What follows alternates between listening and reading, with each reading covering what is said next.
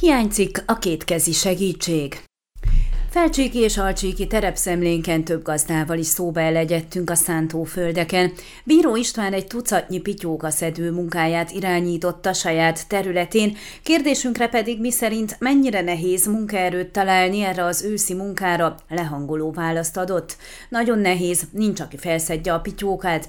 A szűk rokonsági körből vagyunk itt, ők segítettek ki, amikor nem találtam munkaerőt. Jó magam is nagyobb területeket ültettem be korábban, de oda jutottunk, hogy hogy lassan jobb abba hagyni, és akkor nem kell kínlódni a betakarítással, magyarázta a férfi. Rámutatott, a településen, ahol laknak, több helyen is keresik a szedőket, háztáji gazdálkodók, de csak züllött emberek jelentkeznek, akik inkább hátráltatnak, mint segítenének a munkában. Egy másik férfi is hasonló tapasztalatokról számolt be. Neki szerencséje volt, ugyanis két területről is volt betakarítani való pityókája, és mindkét helyre jöttek a segítségek, de igyekezett is meghálálni nekik. Megvendégeltük, megfizettük, két veder pityókát adtunk, sőt, még a káposztából is adtunk egy zsákkal, csak jövőre is jöjjenek. Szóval szinte már nem is a pénzem múlik, fejtette ki, aki szerint az elmúlt években sokkal többen vállaltak külföldön munkát, így a fizikai munkaerőre alkalmas emberek száma mindenhol lecsökkent.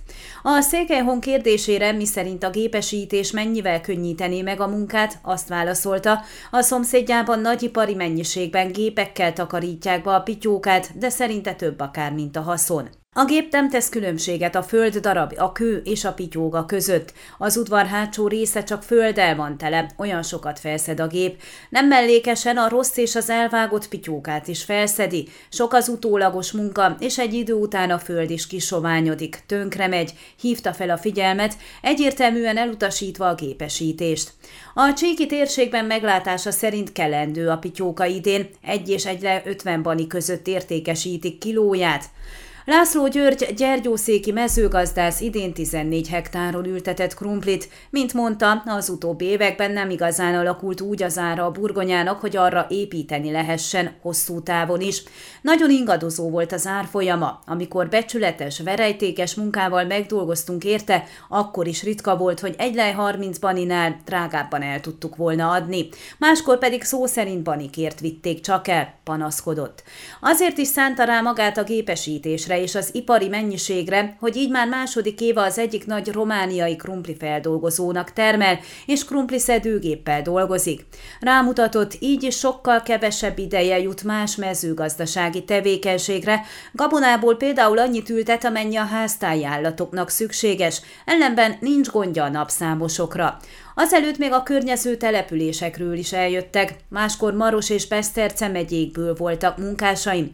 70-80 lejt fizettünk naponta, és meg is vendégeltük őket. Ma már nem így megy.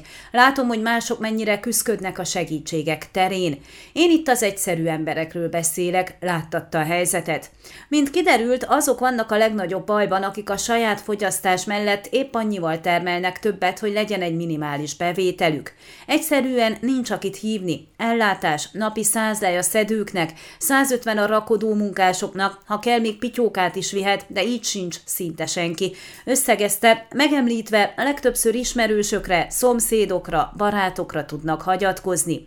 Több internetes hirdetésekkel foglalkozó portálon keresgélve is bukkantunk krumpli szedőgépekre. Az egy vagy két soros, illetve a szedési sebesség mértékétől függő berendezések használtan 2500 eurótól 8000-ig terjednek, egy új gépára pedig a 30 ezer eurót is elérheti. Ön a Székelyhon aktuális podcastjét hallgatta. Amennyiben nem akar lemaradni a régió életéről a jövőben sem, akkor iratkozzon fel a csatornára, vagy keresse podcast műsorainkat a székelyhon.pro portálon.